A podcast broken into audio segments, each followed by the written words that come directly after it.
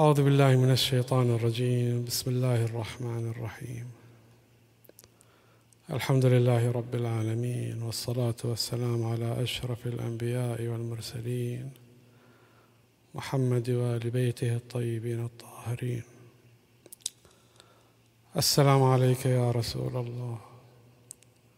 السلام على أمير المؤمنين. السلام على الصديقة الطاهرة. السلام على الحسن بن علي. السلام عليك يا أبا عبد الله. عليك مني سلام الله أبدا ما بقيت بقي الليل والنهار. ولا جعله ولا جعله الله آخر العهد مني لزيارتك. السلام على الحسين وعلى علي بن الحسين وعلى أولاد الحسين. وعلى أصحاب الحسين. لرسول الله صلى الله عليه وآله وسلم وللمؤمنين كافة. ومراجعنا بشكل خاص.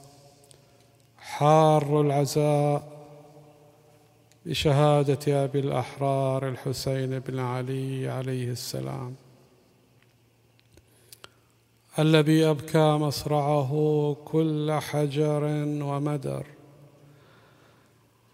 حتى رؤية الدموع تنهال من الأحجار ومن الجدران ومن الشجر. إذا كان الحجر والشجر والمدر له إدراك ضعيف ومع ذلك بكى لألم الحسين عليه السلام. ولمصيبته.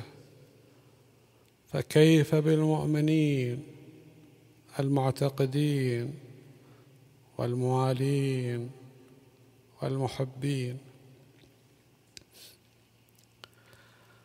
حديثنا بعنوان كربلاء تصنعنا عرفاء. نتحدث عن الآداب الروحية والأخلاقية والمعنوية التي تخلق عندنا استعدادا وتخلق عندنا قدرة لأداء حق هذه العشرة أيام. نتكلم عن الآداب العملية ونتكلم عن الآداب الروحية. وباعتبار أن المحور والمحاور وفضاء البحث سوف يكون روحيا ومعنويا وعرفانيا فلا بد من محاولة توسعة القلب والروح والعقل حتى يتلقى هذه المعاني بصدر رحب. وبإناء طاهر ونقي. كتب بعض علمائنا الأجلاء كصاحب المراقبات بعض الوصايا العملية الأخلاقية في هذه العشرة أيام. ومن بعد صاحب المراقبات كتبت أيضا بعض الوصايا لبعض أهل هذا الفن الروحي للاستفادة من هذه العشرة أيام. ولكن كما قلنا نحن سوف نركز على جانب على الجانب المعنوي والروحي. صاحب هذه المصيبة الآن في العشرة الأيام بالدرجة الأولى هو إمامنا. صلوات الله وسلامه عليه الإمام المهدي. فنحن كنا نأتي إلى هذه المجالس لنعزيه وهو القائل كما نسب إليه في زيارة الناحية مخاطبا للإمام الحسين عليه السلام.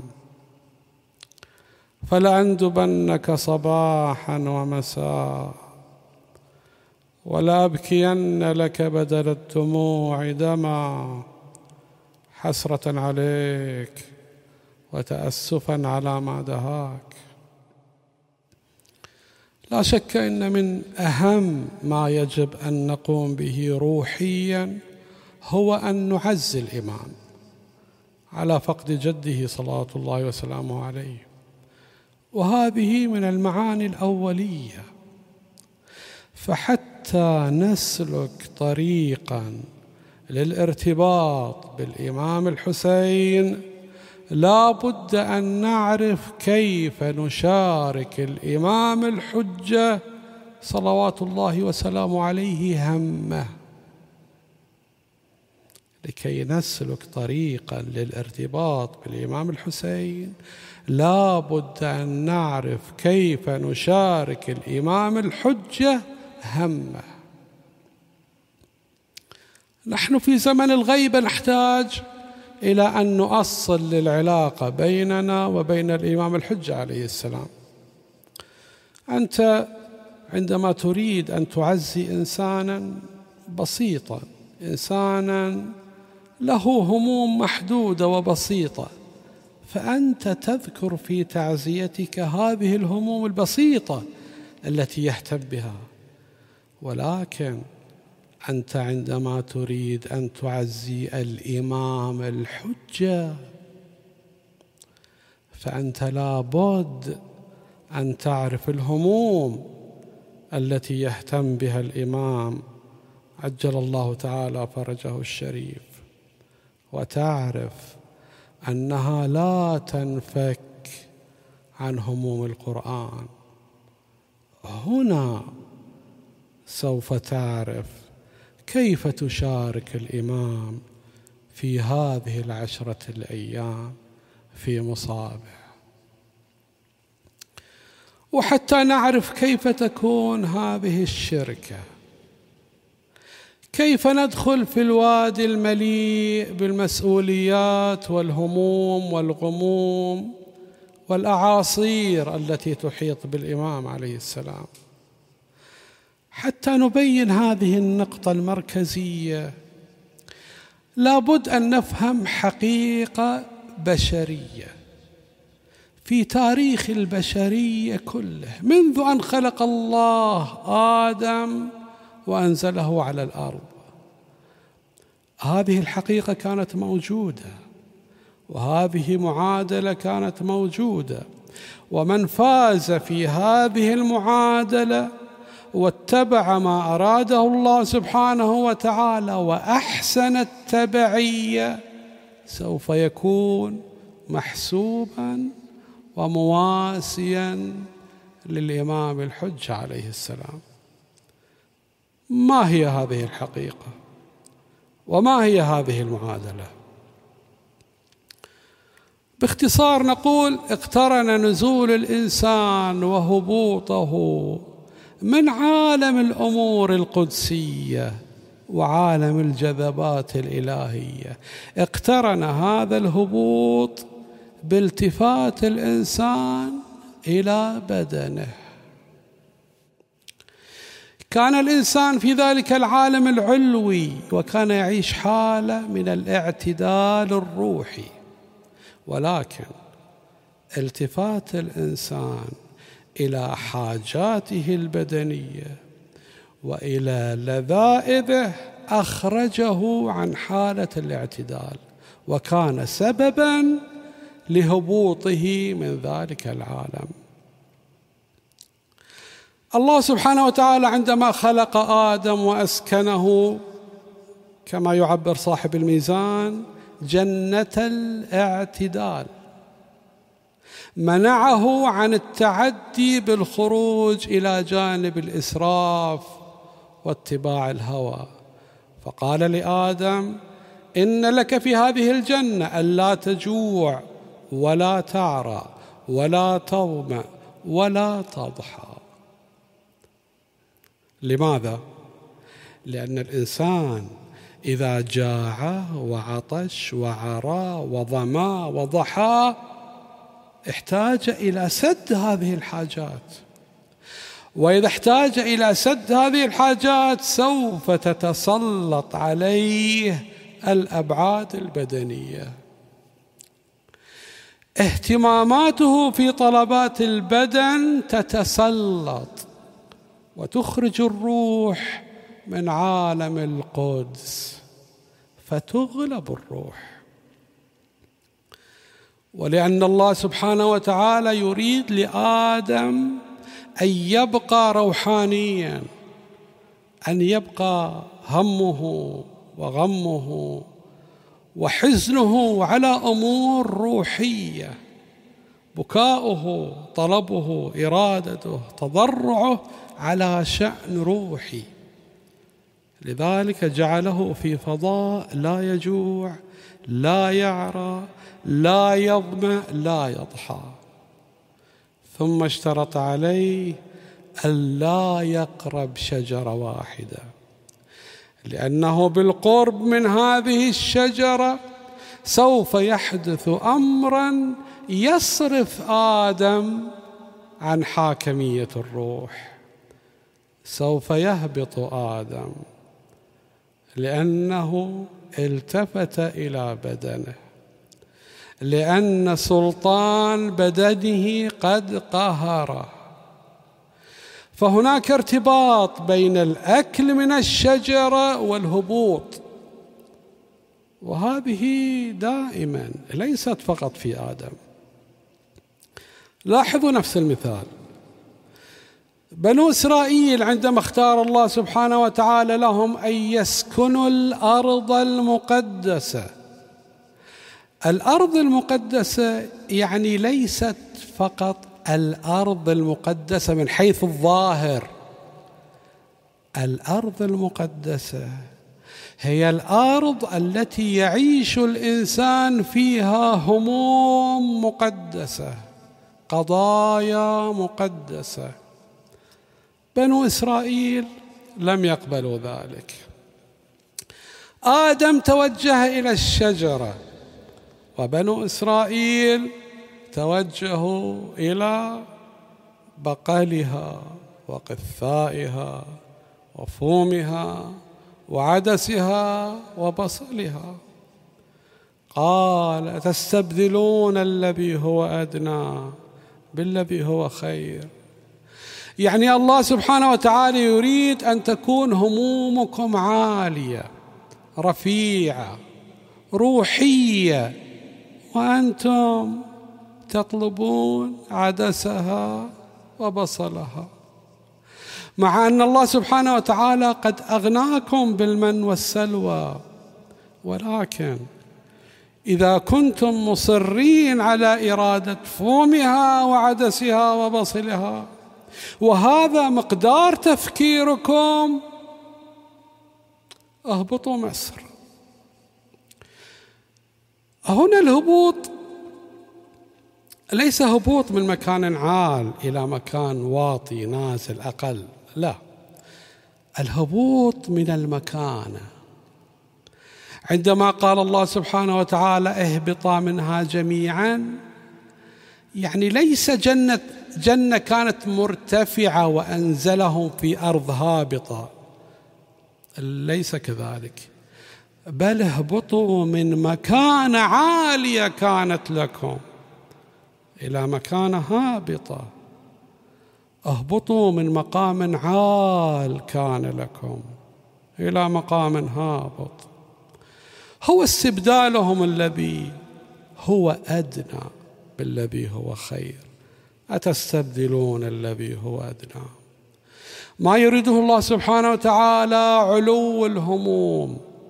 علو الانشغالات وأنتم تريدون أن تستبدلوا هذه المشاغل الهامة بمشاغل دونية بحاجة بدنكم. أتسلطون بدنكم عليكم؟ أتسلطون أودية الحياة الدنيا عليكم؟ إذا اهبطوا مصر.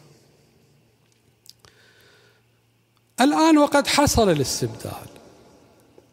وحصل الهبوط إلى وادي الدنيا وادي البدن. فما علاج هذا الوضع علاجه شيء واحد. قال اهبطا منها جميعا بعضكم لبعض عدو. فإما يأتينكم مني هدى فمن اتبع هداي فلا يضل. ولا يشقى. إنه عندما يأتي هدى الله سبحانه وتعالى عندما يأتي إمام الزمان الذي هو هدى الله فنتبعه. وعندما نتبعه تبدأ سيطرة العقل والروح وسلطان الهم الواقعي على الهموم البدنية والشهوانية. تبدأ سيطرة العقل والروح وسلطان وسلطان الهم الواقعي على أودية السير في أودية الحياة الدنيا. يبدأ تقهقر البدن وتغلب وتغلب أحكام الروح ويصبح هذا البدن مجرد معبر. وتصبح هذه الاهتمامات مجرد معبر. وتنشط في الإنسان الحركة الروحية. وهذا ما يسمى بما سمعتم وسوف نتحدث عنه بالحركة الجوهرية. يصبح الإنسان عندما يتبع ما أنزله الله سبحانه وتعالى يصبح الإنسان مسارعا في تصحيح همه.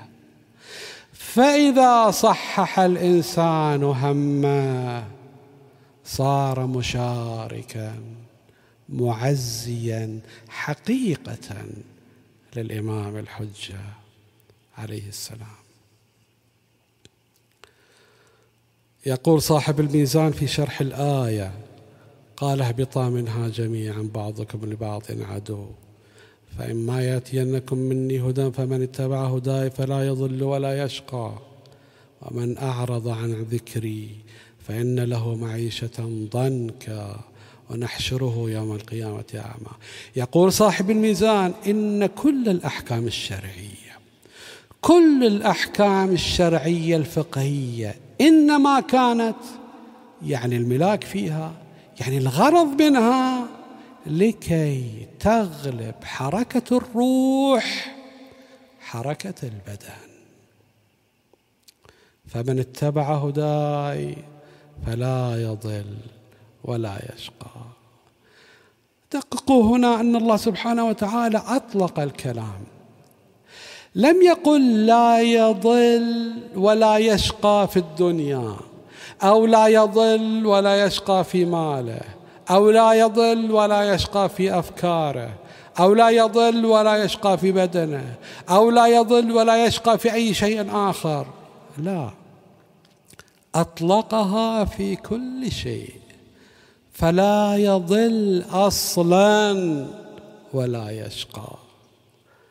لا يضل ولا يشقى في غاياته ولا يضل ولا يشقى في عاقبته. ولذلك يقول صاحب الميزان أطلق الضلال والشقاء لكي ينفي كل أشكال الضلال والشقاء عنه في الدنيا وفي الآخرة جميعا بشرط اتباع الهدى. ومن أعرض عن ذكري فإن له معيشة ضنكا. إن الملاك في الشقاء والضيق هو الابتعاد عن الذكر وهو الإعراض عن الذكر. ونتيجة هذا الإعراض عن الذكر هو أن تضيق حياة الإنسان من كل جهة لأن الإنسان عندما ينقطع ولا يتبع الهدى وينقطع عنه فإنه في الحقيقة سوف يتعلق بالدنيا. ويجعلها مطلوبه الوحيد ويكون هذا هو همه. هذه دائرة همه. بإصلاح معاشه التوسعه فيه التوسع فيه التمتع فيه. وفي الحقيقة أودية الدنيا لا سعة فيها. هي ذاتها ضيقة. في الدعاء أسكنتنا دارا حفرت لنا حفر مكرها. هي أصلا حفر الدنيا حفر. اذا كيف يمكن للإنسان أن يخلص من هذه الهموم الضيقة؟ هو في الحقيقة أن يشتغل بالهموم الواسعة أن يشتغل بالهموم العالية. أن لا ينزل إلى حضيض رغبات هذه الدنيا. عند ذلك سيكون مشاركا لإمامه صلوات الله وسلامه عليه في الخصوصية الروحية. الإمام لا يهتم ولا ينشغل بسفاسف الحياة الدنيا. فيكون هذا الإنسان قد سانخ الإمام في همومه.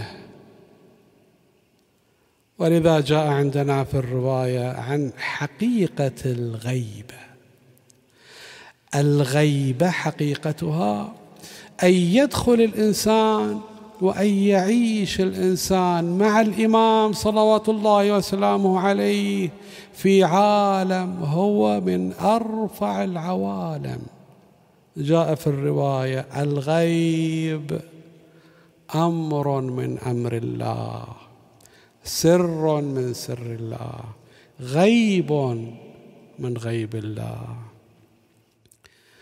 هذا تفسير رائع لكي يبتعد الإنسان عن أودية الحياة الدنيا ويرتبط في الوادي وينزل في الوادي الذي فيه الإمام عليه السلام. هذه أهم مسألة.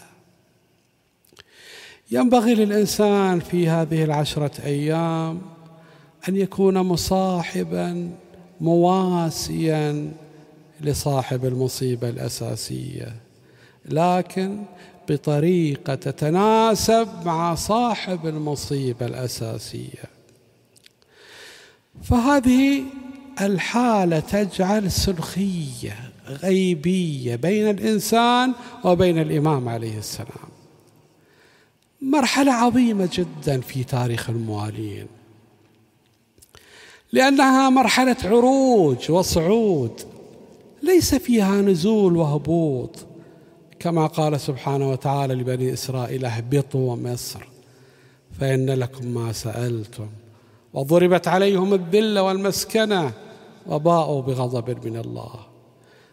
بينما الذي يرتبط بالإمام عليه السلام يخرج من الذل والمسكنة ويخرج من غضب الله سبحانه وتعالى. هذا يؤهله لكي يكون مواسيا للإمام ومواسيا للصديقة الزهراء عليها السلام. هذه حقيقة المواساة. فهي ليست مسألة رومانسية كما قد نتصورها. لا ليست بهذا الشكل. نختم الحديث بهذه الرواية. الرواية موجودة في الكافي في البحار في أكثر كتبنا الروائية. أن الزهراء صلوات الله وسلامه عليها بعد أن فقدت رسول الله صلى الله عليه وآله. نزل عليها من الهم والحزن والألم. ما هي عبرت عنه صلوات الله وسلامه عليها؟ صبت علي مصائب.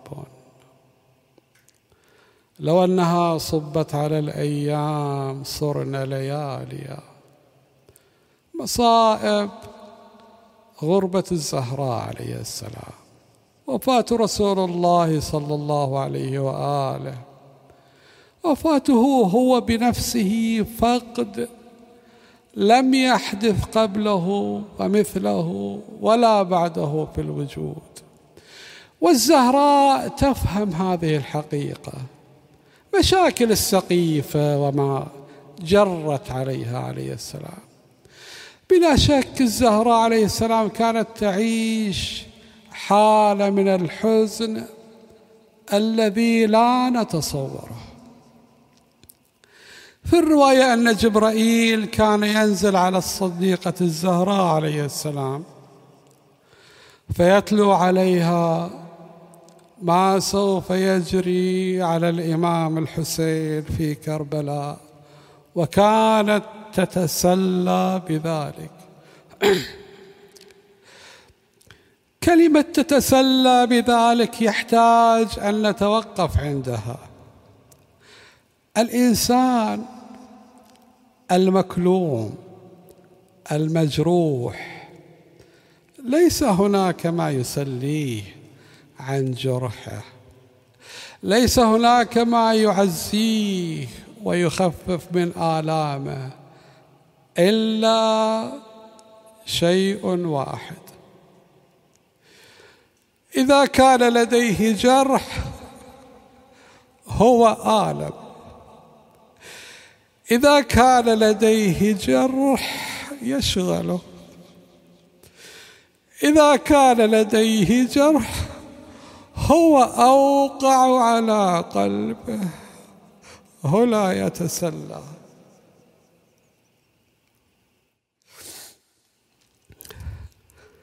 لكن مصاب حسين ساطف فادي كل العزا واللوح والصيحة على حسين. أبكي على أولادي فنوا بالسيف والسيف وأبكي على أبوهم قتيل لبن ملجم والكان بالله تسألوني ياهو أعظم. كل المصايب هونتها مصيبة حسين. وأعظم علي لو نعى الناعي على حسين. ونسيت ضلع اللي بصير الباب مكسور. كل العزا واللوح والصيحة على حسين. كل العزا والنوح والصيحة على حسين. كل العزا والنوح والصيحة على حسين.